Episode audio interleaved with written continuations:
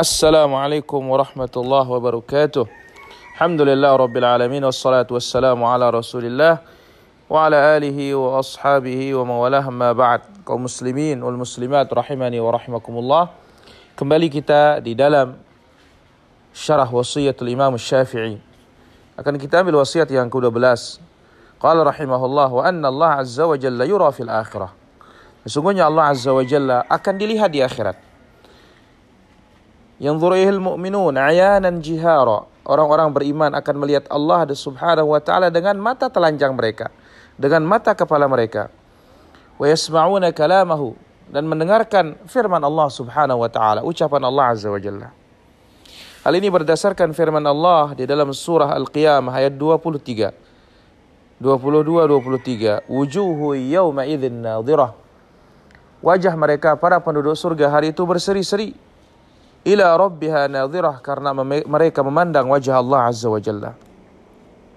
At-Tabari rahimahullah membawakan dalam tafsirnya setelah menyebutkan pendapat-pendapat dalam hal ini beliau berkata pendapat yang paling benar adalah pendapat yang kita bawakan dari Al-Hasan dan Ikrimah maknanya adalah tanzur ila khaliqiha yaitu orang-orang beriman memandang kepada penciptanya memandang Allah azza wa jalla dengan demikian datang asar dari Rasulullah sallallahu alaihi wasallam itu hadis Abu Hurairah. Orang-orang bertanya, "Ya Rasulullah, hal nara rabbana yaumil qiyamah?" Apakah kita akan melihat Rabb kita hari kiamat? Qala Nabi menjawab, "Hal tumaruna fil qamar lailatal badri laisa dunaha sahab?" Apakah kalian berdesak-desakan untuk memandang purnama malam 15 yang tidak ada awan sama sekali menghalanginya? Qalu la ya Rasulullah. Para sahabat menjawab, kami tidak akan berdesak-desakan. Hadis ini muttafaqun alaih. Demikian juga dalil yang lain bahwasanya orang-orang beriman akan memandang Allah Azza wa Jalla hadis Abu Musa al-Asy'ari. Rasulullah sallallahu alaihi wasallam telah bersabda jannatan ada dua surga min fiddat yang terbuat dari fiddah dari perak. Demikian bejana-bejananya beserta isinya. Kemudian dua surga juga yang terbuat dari emas, bejana-bejananya beserta isinya.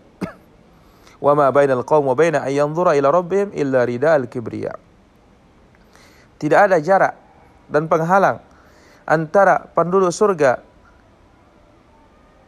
dan melihat Allah Azza wa Jalla kecuali selendang kesombongan Allah Subhanahu wa taala yang ada pada wajah Allah Azza wa Jalla di surga Aden. Hadis ini muttafaqun alaih. Inilah dia kenikmatan yang terbesar bagi penduduk surga ketika bisa memandang wajah Allah tabarak wa taala melihat Allah azza wa jalla di dalam surga.